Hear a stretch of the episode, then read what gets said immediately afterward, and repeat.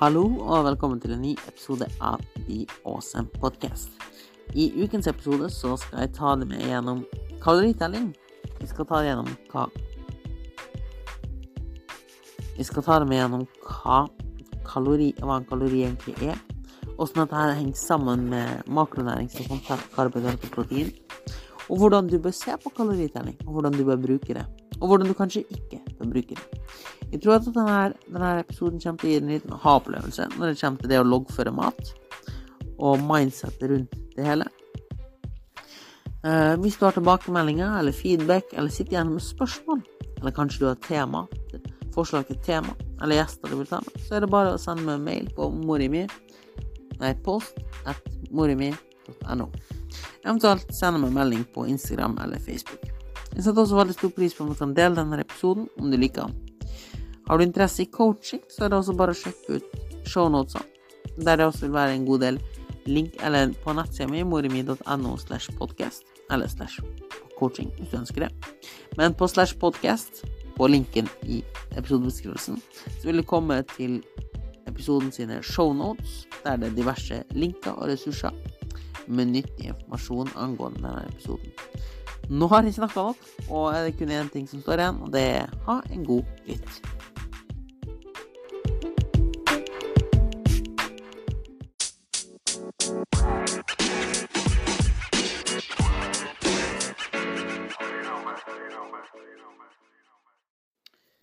Da jeg i forrige uke snakka om den ultimate guiden for å komme i gang, tenkte jeg at jeg i denne episoden skulle snakke litt om rett og slett hva kalorier egentlig er, og hvordan du bør tenke på kalorier. Og litt om de forskjellige diettene, og hvordan du kan bruke kaloritelling for, som et verktøy for å hjelpe deg sjøl, da. Um, og dette her gjelder både um, gå ned i vekt, muskelvekst, prestasjon eller vedlikehold. Jeg ønsker å gi deg et litt annet syn på kaloritelling generelt, og hvordan du bør se på det. Fordi veldig mange assosierer nok kaloritelling med minst mulig, med stress, med manisk veiing, um, brokkoli og ris, og ikke minst med vektnedgang. Jeg prøver å lære folk at det å telle kalorier eller loggføre det man spiser, handler om mye mer. Det handler om å sikre at man får i seg nok mat. Nok næringsrik mat. Um, det handler om å få en bedre forståelse av hvilken mat som inneholder. Og ikke minst så handler det om å fjerne matfrykt. Og fjerne misforståelser rundt mat. Man ser på de faktiske tallene og det faktiske innholdet, i stedet for bare vilkårlige formeninger, da. Eh, og tro på myter og forskjellige ting, for det er utrolig mye rundt der. Men vi kan starte med hva en kalori faktisk er. Og en kalori er egentlig bare en enhet, altså en enhet for energi. Eh, hvor mye energi en matvare inneholder. Eh, det vil si hvor mye vann som kan varme Altså en kalori er en definisjon på x antall liter vann som Hvor mye energi som kreves for å varme opp x liter vann, bla, bla. Måten man finner ut kalorier i matvare på, er når man brenner opp den matvaren og ser hvor mye vann den varmer opp, da, for å si det på en veldig enkel måte. Um, kalorier er ikke bare noe vilkårlig. Det er alle matvarene og produktene du spiser, inneholder kalorier, så å si. Og disse kaloriene kommer fra et sted. Kaloriinnholdet i en matvare baserer seg på makronæringsstoffene i det produktet. Makronæringsstoffer er fett, karbohydrat, protein, fiber og alkohol. Fiber og sukkeralkohol, altså kunstig søtning, noen av dem går egentlig under karbohydrat, men den blir fordøyd litt annerledes i magen. Eh, alkohol er det fjerde makronæringsstoffet, og det siden det ikke inneholder noe næring og blir bare brukt som energi i kroppen, så ser man ikke på det som et egentlig makronæringsstoff, men det er nå i hvert fall der. Um, alle disse her inneholder kalorier. Eller det vil si at ja, de gjør det. Så ett gram fett inneholder ni kalorier. Ett gram protein inneholder fire kalorier. Ett gram karbohydrat inneholder fire kalorier.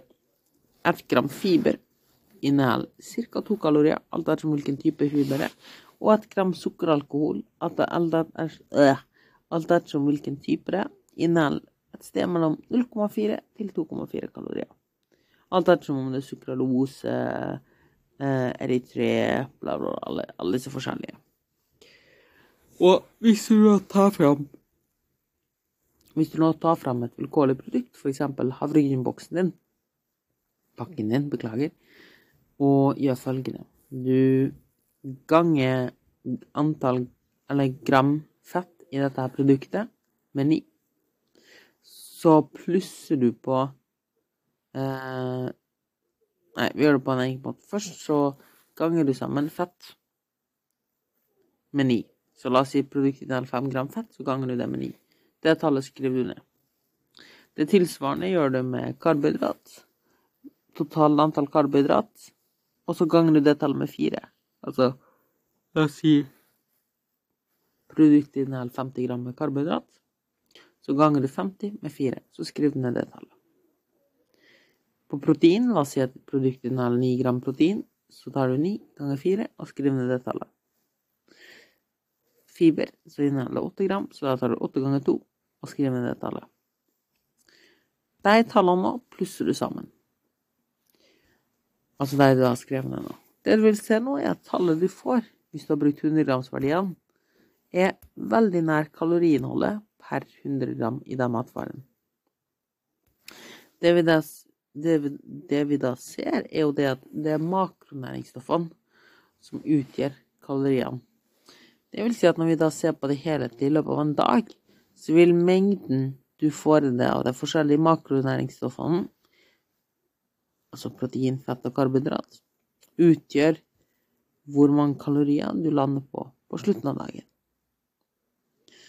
Og derfor det, vil ting ofte gå hånd i hånd når det kommer til makronæringsstoff og kalorier.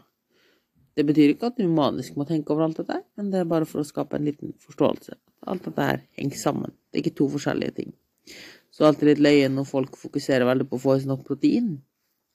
Men når du får i deg mer protein, så får du også i deg mer kalorier. Så det er litt sånn Hva bør du fokusere på? Er det enda mer protein, eller redusere kaloriinntaket? Så det er litt sånn Ja. Vice versa. Det du kanskje la merke til, er at fett inneholder mer enn dobbelt så mange kalorier per gram som karbohydrat. Og det stemmer, og derfor er fett ikke så lurt å spise seg mett på. Og det vi da ser, hvis vi skal ta et lite sidespor, så er det det at du kan da spise Du må, kan da egentlig bare spise halvparten av fett enn det du kan ha karbohydrat for å få det samme mengden kalorier.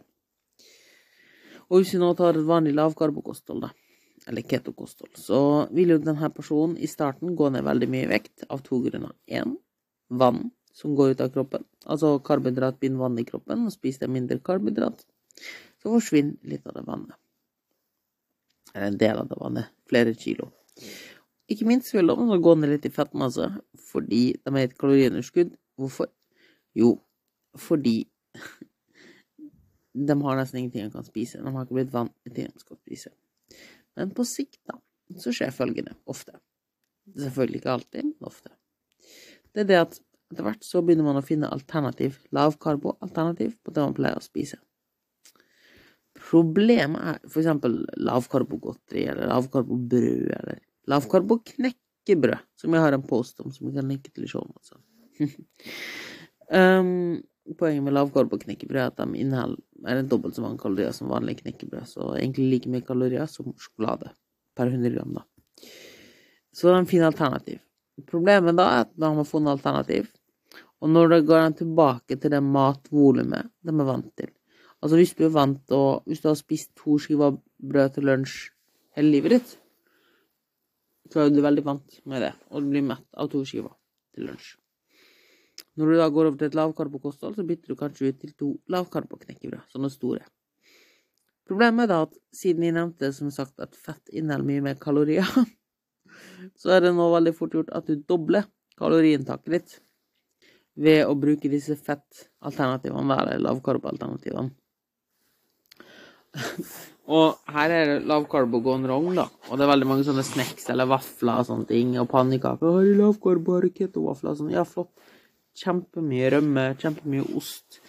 Um, sikkert kjempegodt, men jævlig kaloririkt. Så det at noe lavkarbo, betyr ikke akkurat at det er så særlig lurt å spise. Og grunnen til det kan du da se med tanke på at fett som makronæringsstoff inneholder mer enn dobbelt så mange kalorier som karbohydrat. Så det var en lite sidespor der, og litt morsomt. Så nå har vi fått en liten forståelse hva egentlig en kalori er bygd opp av. Så da, hvordan bør du se på dette her med kaloritelling? Hva er det, og hvordan bør du bruke det? Mm. I stedet for at du tenker at du skal få i deg minst mulig kalorier, så bør du se på kaloritelling som en måte å få oversikt over kaloriene dine. Hvor mye du inntar. Se litt på det som penger. Hvor mange penger du bruker i løpet av en dag. Hvis du ønsker å spare penger, så får du en bedre oversikt over pengebruken din og kutter ut unødvendige utgifter. Men du kutter ikke ut alle unødvendige utgifter. Du kutter ut de unødvendige utgiftene som ikke gir deg noe særlig merverdi. Det er en vurdering du tar. Nøyaktig det samme. Og ja, hvis, det, hvis Netflix er en nettutgift du ønsker å beholde, og som du prioriterer, og du aksepterer at når jeg har denne luksuskode Netflix, så vil, vekten, så vil sparingsprosessen ta litt lengre tid, eller jeg må spare mer på andre områder. Akkurat samme er det på kaloritelling også. Det er ikke noen matvarer som ikke er innafor å spise, eller dårlig å spise, eller feil å spise. Du må ta en enkeltvurdering om det du spiser, er verdt det. La oss si at du har veldig lyst på wienerbrød. Wienerbrød, seriøst? Moritz, er du 80 år gammel? Ja, hvis du har lyst på wienerbrød. På Starbucks, for eksempel. Eller en eller annen fin kafé, da. Gud bedre Starbucks. Overpris og piss. Fikk jeg sikkert en haug med folk med Starbucks gikk kjempebra. Men la oss da si at du har lyst på det. Da tar du den vurderinga. Er dette noe jeg har lyst til å investere kalorier? Hvis svaret er ja, ja, men så nyt nå den jævla det jævla wienerbrødet med god samvittighet. I stedet for å angre på det. Logg for det. Stå til rette for valget ditt og spis det. Det er ikke verre enn det. Og når du da teller kalorier, så kan du loggføre for det og ta det med i det helhetlige regnskapet. For det verste jeg ser, eller et stort problem jeg ofte ser med folk som loggfører mat, er at de kun loggfører de gode, perfekte dagene. Og tenker at når de har hatt en dårlig dag, først en dårlig dag, eller ikke spist etter borsa, så dropper de å loggføre det. Og tenker sånn, ja, men da tar du ikke hensyn til det helhetlige bildet. Og ofte så overdramatiserer folk. Altså så jævla wienerbrød har kanskje 300-400 kalorier. Uh, men i hodet sitt, da, hvis de ikke loggfører det, tenker de 'Å, jeg spiste wienerbrød, ødelagt alt, og jeg blir feit'. Og dette blir kanskje bekrefta neste dag. Dette blir kanskje bekrefta neste dag ved at de må gå på vekta, og vekta viser et halvt kilo mer. Som kanskje er helt tilfeldig. Eller så er det fordi wienerbrød hadde litt mer karbohydrat enn man er vant til, eller litt mer salt, eller et eller annet tilsetningsstoff som gjør at vekten hopper litt opp. Det er jo da vannvekt. Du har ikke lagt på et halvt kilo av et wienerbrød. Men hvis man har krisemaksimerer, som veldig mange gjør, ikke loggførte det og ikke så hva det faktisk inneholdt, akkurat hva det kosta, så begynner man å tenke å, det var det jævla wienerbrødet som gjorde at de la på med å, øh, hater det, visste at jeg ikke kan spise det, jeg er så dårlig. Type den, da. Og denne tanken om ja og nei-mat forsterker seg. Hadde da loggført dette wienerbrødet, og hadde skapt en forståelse for disse tallene, som vi skal komme litt inn på, så hadde du ganske fort kunne analysert det frem til at Men se her, det wienerbrødet inneholder 400 kalorier. Det må 3500 kalorier til for å gi overskudd for at de skal legge på med et halvt kilo. Dette var vann. Slapp av. Move on. Det er litt lettere å rasjonalisere sånn når man kan og vet det. Så du kan tenke litt for å for å samle trådene litt, da, for det kan kanskje bli litt vagt, så vil jeg at du skal prøve å se på kaloritelling som en måte å få en oversikt over kostholdet ditt på. Og få en forståelse for hva mat inneholder. Ikke for at du skal slanke det, eller for at du skal spise minst mulig. For selvfølgelig, hvis du tenker at du skal spise minst mulig kalorier, eller at alt du spiser må være perfekt når du loggfører det, så vil det være et enormt stressmoment. Hvis du derimot bruker kaloritellinga akkurat sånn som du bruker en sparekonto eller en spareapp, for å se hvor mye Eller en kontoutskrift, for den saks skyld, for den boomeren som Hvis du fortsatt gjør det, da. Eh, eller bare nettbanken din. At du kan se kostnaden på produkt. At du kanskje kan kutte unødvendige utgifter for å kunne prioritere ting du faktisk setter pris på mye mer. For ingenting er verre enn å ha unødvendige utgifter du ikke setter pris på engang. For eksempel det å bruke 30 gram majones på skiva, som er 210 kalorier, som du sannsynligvis nesten ikke nyter engang. Du ville sannsynligvis, hvis du har dette hver dag i en uke, da, sju dager, så er det faktisk Nå må du gjøre hoderegning her, Moritz. 1500 kalorier bare fra 30 gram majones på en uke. Det finnes kanskje bedre måter å investere disse kaloriene på, er det ikke det? Enn å ha litt Altså, la oss si at du halverer denne majonesen, og så har du allerede spart i nesten 700 kalorier. Bare ved at du har litt tynnere stripe majones. Så kaloriføringa og loggføringa hjelper deg å se sånne unødvendige utgifter, slik at du har mer igjen for ting du faktisk setter pris på. Og det er også viktig her at du forstår at det handler ikke om å spare mest mulig, for da brenner du ut. Veldig enkelt. Så mentaliteten du kan bruke for å finne en god balanse her, for å finne ut ja, men hva kan unne med, hvor mye kan unne med, og hvor går grensen, liksom. Så kan du tenke litt på kostholdet ditt som å innrede et hus.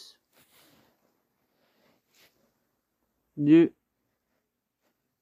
Det første du bør gjøre når du innreder huset ditt, det er å sikre at du har vegger, at du har parkett, at du har varmekabel, at elektrisiteten funker. Alle sånne grunnleggende ting. Her så trenger vi ikke nødvendigvis noe luksus spesialprodukt. Vi trenger kvalitet som funker, til en god pris. Får vi en god deal, så slår vi til. Du trenger liksom ikke marmorgulv det er i hvert fall ikke det første du bør investere i. Med mindre du har veldig, veldig mye å rutte med. Um, men du dekker det grunnleggende, og her ønsker du å ta gode valg. Du ønsker å spare mest mulig penger på det grunnleggende fordi det er det grunnleggende. Når du sparer mest mulig penger og tar smarte valg på det grunnleggende og unngår marmorgulvet, så har du mer igjen for det du faktisk setter pris på. Men sparer du for mye på det grunnleggende og kjøper det billigste du kommer over, så vil det rakne etter hvert. Huset vil rakne. Grunnmuren vil brøst, eh, rakne. Du vil være misfornøyd. Som gjør at Og så må du overkompensere. Du må sannsynligvis gi, gi, ut mer penger for å kompensere igjen. For at du la et dårlig grunnlag. Men la oss si at du har lagt et godt grunnlag. Du har tatt gode deal på kjøkkenet og alt dette her, på flis og alt sånne ting og så har du igjen penger. Da har du ingenting imot å bruke disse pengene med god samvittighet på f.eks. en fancy flatskjerm eller LED-lys med kule farger. Og sånn er det litt med kaloriene også. Eh, du bør dekke behovet for næringsstoff, vitamin, mineral, protein og slike ting først. Deretter, når du har dekket disse behovene med smart næringsrik mat. Her vil du også gjøre gode deals. Unngå unødvendige kaloribomber, altså unødvendige utgifter. Du vil ha mest mulig næring, få minst mulig kalorier. Når du har dekket behovene dine, så er det jo ingenting imot at du kan dekke Eller at du kan bruke resterende kalorier, eller resterende budsjett, på noe du setter pris på, og noe du ønsker å kose deg med. Det vil både gange det mentalt og sannsynligvis også fysisk i lengden. Og er det en ting som er viktig å forstå, så er det det at det mentale spiller en enormt stor rolle. Så det å faktisk kunne belønne seg litt uten å være altfor ekstrem, er veldig, veldig viktig. For hva tror du skjer hvis du sparer altfor mye kalorier? Eller bare spiser gress, skulle jeg si, grønnsaker, da, for å spare mest mulig kalorier? Jo, det er litt sånn som du sparer altfor mye på grunnmuren på huset. Det vil rakne etter hvert. Så når du da vil bruke de ekstra kaloriene på noe snopgreier, så har ikke du gitt kroppen din det den egentlig trenger. Og kroppen din, tro meg eller ei, den vil si ifra, og den vil hente seg det han trenger. Enkelt og greit. Så den vil hente seg de næringsstoffene. Bare problemet nå at du henter disse næringsstoffene fra sjokolade, og da blir det fort ganske mange kalorier. Så egentlig kan du bruke kaloritellinga på samme måte der. Du sørger for først og fremst at du dekker behovet ditt for det grunnleggende. Når du ser at du har gjort det, hvis du har fått i deg nok protein, minst 1,5 gram per kilo kroppsvekt, cirka, at du har fått i deg nok fett, sunt fett, minst 0,5 gram per kilo kroppsvekt, så kan du egentlig gjøre det du vil med resterende kalorier. Med god samvittighet. Du legger ikke automatisk på det av sjokolade bare fordi det er sjokolade. Du legger på det av å spise flere kalorier enn du får brenn. Og det er viktig å forstå også på vedlikehold. Du har lov å sette opp ting til trivsel. Det er ikke noe i veien for å ta sjokolade på en tirsdag hvis budsjettet ditt tillater det. Bare ikke la det bikke over og ta overhånd. Fordi det er der man fort ender opp med 'jeg klarer ikke å stoppe å spise'. Fordi kroppen skal dekke behovet sitt for næringsstoff. Det er en veldig flink å si ifra om. Og den driter i om det, det er behov for næringsstoff, har med seg en bagasje på flere tusen kalorier. For å visualisere det hele helt til slutt, før vi skal inn på dette med hvor man, hvordan du finner ut hvor mange kalorier du trenger, og hvordan du kan gjøre dette i praksis, så kan du tenke på at kroppen din har ikke en målenhet for kalorier. Eller i hvert fall ikke en veldig god en. Det den derimot har, er en målenhet for næringsstoff. Det er derfor du blant annet får, iblant får syke cravings på makrell i tomat, kjøtt, vann, for den saks skyld, noe veldig salt. Det er fordi kroppen din har registrert at den har noen mangler veldig ofte. Det kan jo være minne og sånne ting også, men la oss si mest grunnleggende så er det fordi kroppen er registrert Oi, her er det mangel, her må vi fylle opp. Den matvaren må vi ha. Uh, før i tida så var vi veldig, veldig flinke på å skille på hva kroppen vår trengte. Nå til dags, pga. så mye påvirkning fra ytre faktorer som reklame, lukter, smaker og sånne ting, så er det veldig vanskelig å skille på hva vi egentlig trenger. Da ofte opplever vi det bare som sult. Og hvis det ikke hadde vært sånn, så Hvis det hadde vært sånn at, vært, at vi hadde hatt en måleenhet eller en, et parameter for, for faktisk kaloriinntak, så hadde ikke overvekt vært et problem. Da skulle de jo blitt like mett av en sjokoladeplate som av en middag med tilsvarende kalorimengde. Og selv hvis vi Men det blir vi ikke. Og til og med hvis vi rettferdiggjør for volum, at du drikker masse vann ved siden av sjokoladen, så vil den middagen holde lengre mett. Mer mett og fornøyd. For den inneholder mer næringsstoff og gir kroppen det den trenger. Veldig enkelt, og kroppen sier ja, ja, jeg har fått i meg nok vitamin, ja, jeg har fått i meg nok kalsium, bla, bla. Det går fint, kjør på. Har den ikke gjort det, så kan den fortsette å sende signal. Og her kommer problemet hvis vi sparer altfor mye kalorier og ikke dekker behovet vårt for næringsstoff. Fordi når du da kommer til den sjokoladeplaten på kvelden, så senser kroppen Oi, men du mangler jo kjempemye magnesium i dag. Du må få i deg mer magnesium. Oi, sjokoladen er litt magnesium. Ja, fortsett å spise det. Og da vil du, satt på spissen, da, fortsette å spise sjokolade helt til behovet ditt for magnesium er dekt. Og det blir ganske mye sjokolade og ganske mye kalorier. For å si det sånn, det finnes bedre måter å dekke behovet sitt for næringsstoff på enn godteri. Og det er egentlig det eneste ulempen med godteri og fastfood og slike ting. Det er ikke det at det i seg selv er dårlig, det er bare det at det har lite næringsstoff. Det vil si at for å gi kroppen det samme signalet om metthet og fornøydhet, må du spise flere kalorier for samme mengde næringsstoff. Det er derfor folk som spiser bare fastfood, eksempel, legger på seg.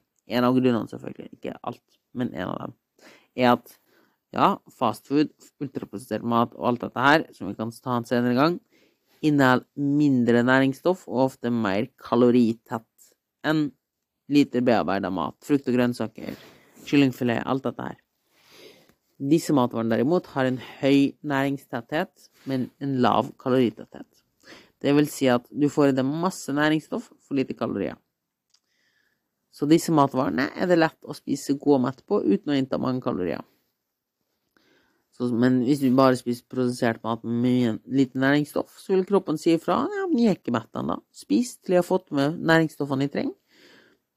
Og siden den maten her er også mer kaloritett, inntar flere kalorier, som fører til at vektoppgang, som gir dårligere helsebarometer, som da, når vi ser på studier, viser Oi, se her, uh, ultraprosessert mat er usunt og farlig. Men i realiteten er ultraprosessert mat har lite næringsstoff. Lite næringsstoff gjør at vi må spise mer mat for å bli like mett, som gjør at vi inntar flere kalorier, som gjør at vi går opp i vekt, som gjør at vi får dårligere helseparameter. Eller at vi har mindre energi i hverdagen og slike ting, som igjen gjør at vi får dårligere, beveger oss mindre og får dårligere helseparameter. Så det var en sånn liten tangent på hvorfor det er så viktig da med, med å fylle opp med næringsstoff. Så det du kan tenke på, er at 80 av det du spiser, bør gå med på innredehuset på å gi kropp for å skape et godt grunnlag. Og når du føler deg mett og fornøyd, så kan du spise sjokolade og snop og slike ting. Og nå skal det kunne stille et mentalt behov, ikke et næringsmessig perspektiv, eh, behov. Og du opplever at du trenger mye, mye mindre for å bli like fornøyd. Mest sannsynligvis. Så hvordan skal du bruke dette med kaloritelling i praksis? Hvordan finne ut hvor mange kalorier du trenger? Jo, det finnes ikke et riktig svar. Det finnes faktisk ikke et riktig svar. Vil kaloriforbruket ditt vil variere fra dag til dag, og ut ifra situasjonen du er i. Men det kan ta grove estimat. Men det er viktig at du forstår dette her, slik at du ikke er manisk opphengt i å finne det riktige kaloriantallet. For det finnes ikke. Det vil variere fra dag til dag, fra periode til periode, og kan godt endres veldig over tid. Eh, basert på vaner, basert på kroppssammensetning, basert på livsstil og alt dette her. Så du vil alltid måtte justere kaloriene etter hvert. Og jeg har lagd en egen episode som går mer i dybden på kalorier, som jeg linker i showen. Sånn. Um, men når det kommer til sånn generelt det der med kaloriforbruk, så gjør du følgende. Du bruker en annen app på Nei, en annen nettside der du kan regne ut ca. kaloribehovet ditt med ditt aktivitetsnivå. Så starter du med det tallet. Så loggfører du alt du spiser og drikker, og veier det jevnlig. Hvis vekten seg, og du føler deg frisk, frisk og pegg og alt dette her, så har du funnet vedlikeholdet ditt på dette nåværende aktivitetsnivået. Hvis vekten går ned, så er du et lite underskudd, og hvis du vil holde vekten ned, så prøv å øke kaloriene litt, og Spis samme kaloriantallet for en viss periode, og ser hvordan vekten utvikler seg. Hvis vekten er stabil, så vet du at det er vedlikeholdet ditt. Går vekten ned, vet du at det er et underskudd. Går vekten opp, vet du at det er et lite overskudd. Og det tallet du finner da, er nødvendigvis ikke tallet du alltid vil ha.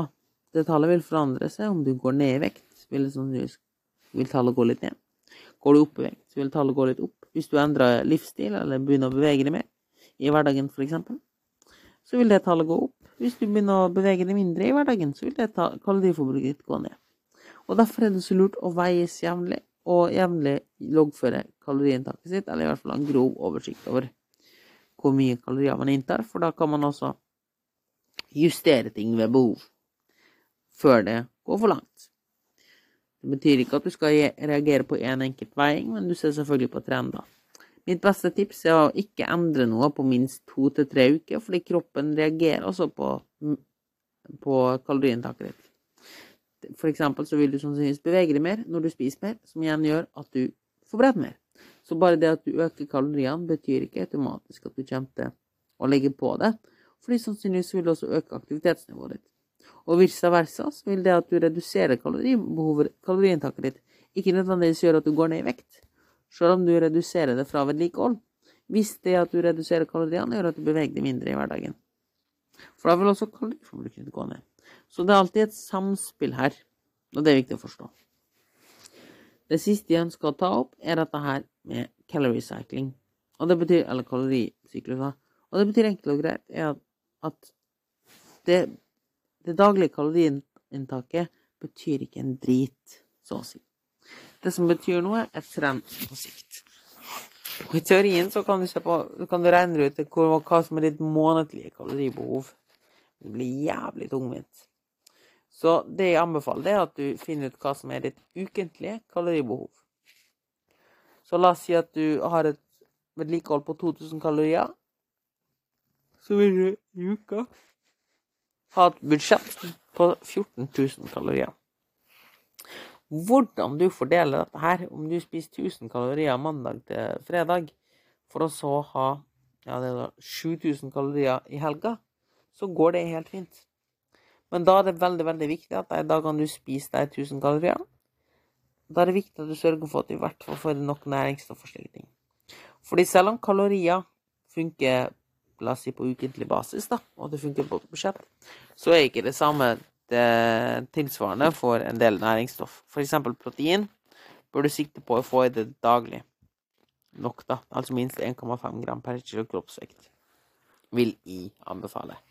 Samme gjelder for sunt fett og en god del vitamin og mineral. Så det er veldig viktig at hvis du har lavkaloridager, at de dagene er det spesielt viktig at du får i det nok næringsstoff, og at du spiser ekstra næringsrikt på disse dagene. For, fordi du, selv om du har et depositum på kalorier, gjelder ikke det samme for mange næringsstoff. På den måten her så kan du som planlegge for større fester uten at det skal ødelegge for noe som helst. Og du kan også justere for ting uten å krisemaksimere. Grunnen til La oss si at du spontant blir bedt på fest og inntar 1000 kalorier over det du ser på som vedlikehold. Så vet jo du at, og du ønsker å holde vekten din, så vet du at OK, da spiser jeg 100 kalorier mindre de neste da, ti dagene. Og vips, så har du fjerna det underskuddet. I stedet for at du tenker at du på neste dag må forbrenne 1000 kalorier ekstra. For det skal, er litt som å, som å svinge på vannplaning eller på glattisen. Svinge veldig krast. Det er veldig fort gjort å bli kastet ut av balansen og miste motivasjonen og miste gnisten og gjøre det på den måten. Så prøv å reagere litt roligere. På samme måte kan du også spare 1000 kalorier ved å spise 100 kalorier mindre i ti dager før. Og vips har du 1000 kalorier mer du kan bruke. Så sånn sett så kan du gjerne Du trenger ikke å spise samme kalorier hver dag. Det er ikke sånn kroppen din har en reset-button eller noe sånt. Det er trenden på sikt og snittet som har noe å si. Men næringsstoff bør du sikte på å få i det daglige. Og det, grunnen til at jeg avslutter med det, er for det viser nøyaktig makten som kaloritelling har. Det kan hjelpe oss å zoome ut, fordi vi mennesker er veldig glad i følelser og emosjoner, liksom det som skjer på et visst tidspunkt, og glemmer litt å se på det helhetlige bildet. Som vi nevnte i stad med eksempelet med wienerbrød, at vekten hopper opp, og at vi krisemaksimerer ting og kommer på dumme ideer sånn sett. Um, og det samme motsatt er bullshit. Og så, ja, men de spiser jo sunt. Så, ja, du spiser sunt, men har du sett på kaloriinnholdet? Um, og ikke minst så ser vi hvor mye småvalg som er sammen med nesen har å si. For vi mennesker er dritdårlige på å ta ting objektivt. Og derfor er kaloritelling så fint, fordi det gir oss klare tall. Så mitt beste tips er at du prøver ut kaloritelling. Ikke for å spise minst mulig, for det vil ikke gagne deg på sikt. Men for å sikre at du får i deg nok mat for å fjerne unødvendige utgifter, bli klar over unødvendige utgifter, og dermed kunne ha mer plass til maten du setter pris på, og ved å relativitere tallene i stedet for å se på mat som god eller dårlig, kunne spise disse her med god samvittighet. Ikke minst så kan du også bruke den appen her som planlegger. Du kan legge inn matvarer, mat på forhånd, og se hva den inneholder, og se hvordan du bør justere dagene dine. Du kan gjøre det på mange dager i forveien, i f.eks. en app som MyFitnessPal kan du loggføre lunsjen din for flere uker frem i tid hvis du ønsker det. Det skaper en forpliktelse. Det gjør det enkelt for deg å planlegge. Og det er en ting jeg vet, så er det at not planning is planning to fail. Jeg håper at jeg hjalp deg med dette her, at det ikke ble for vimsete. Tusen takk for at du tok deg tid til å lytte til denne episoden. Jeg håper du fikk med deg noe, at du fikk noen aha-opplevelser. Sitt igjen med spørsmål, eller har du feedback? så er det bare å sende dem til post.moremi.no, Eller send meg en melding på Instagram eller Facebook på mini-mora mi. Eller noe annet. Eller bare navnet ditt, Moritz Micheles, på Facebook. Du finner meg på en eller annen måte. Sjekk også gjerne ut shownotene på episoden ved å klikke på linken under her, der du kommer til nettsida mi med diverse ressurser og skriveri rundt denne episoden. Der vil du også finne alt du trenger angående eh, coaching. Og scroller du helt nederst på sida, kan du melde deg på mitt nyhetsbrev, slik at du ikke går glipp av nye innlegg eller artikler jeg skriver, og nye podkast-episoder. Ellers setter jeg så stor pris på om du kan dele denne episoden om du likte den, og gi meg gjerne en vurdering øverst, eller uansett hvor du hører episoden, gjerne på Spotify, som har fått den funksjonen. Og husk å abonnere, abonnere her, slik at du ikke går glipp av noen episoder. Og med det så er det kun én ting som står igjen, og det er å si gå og ha en awesome uke. Tudelu!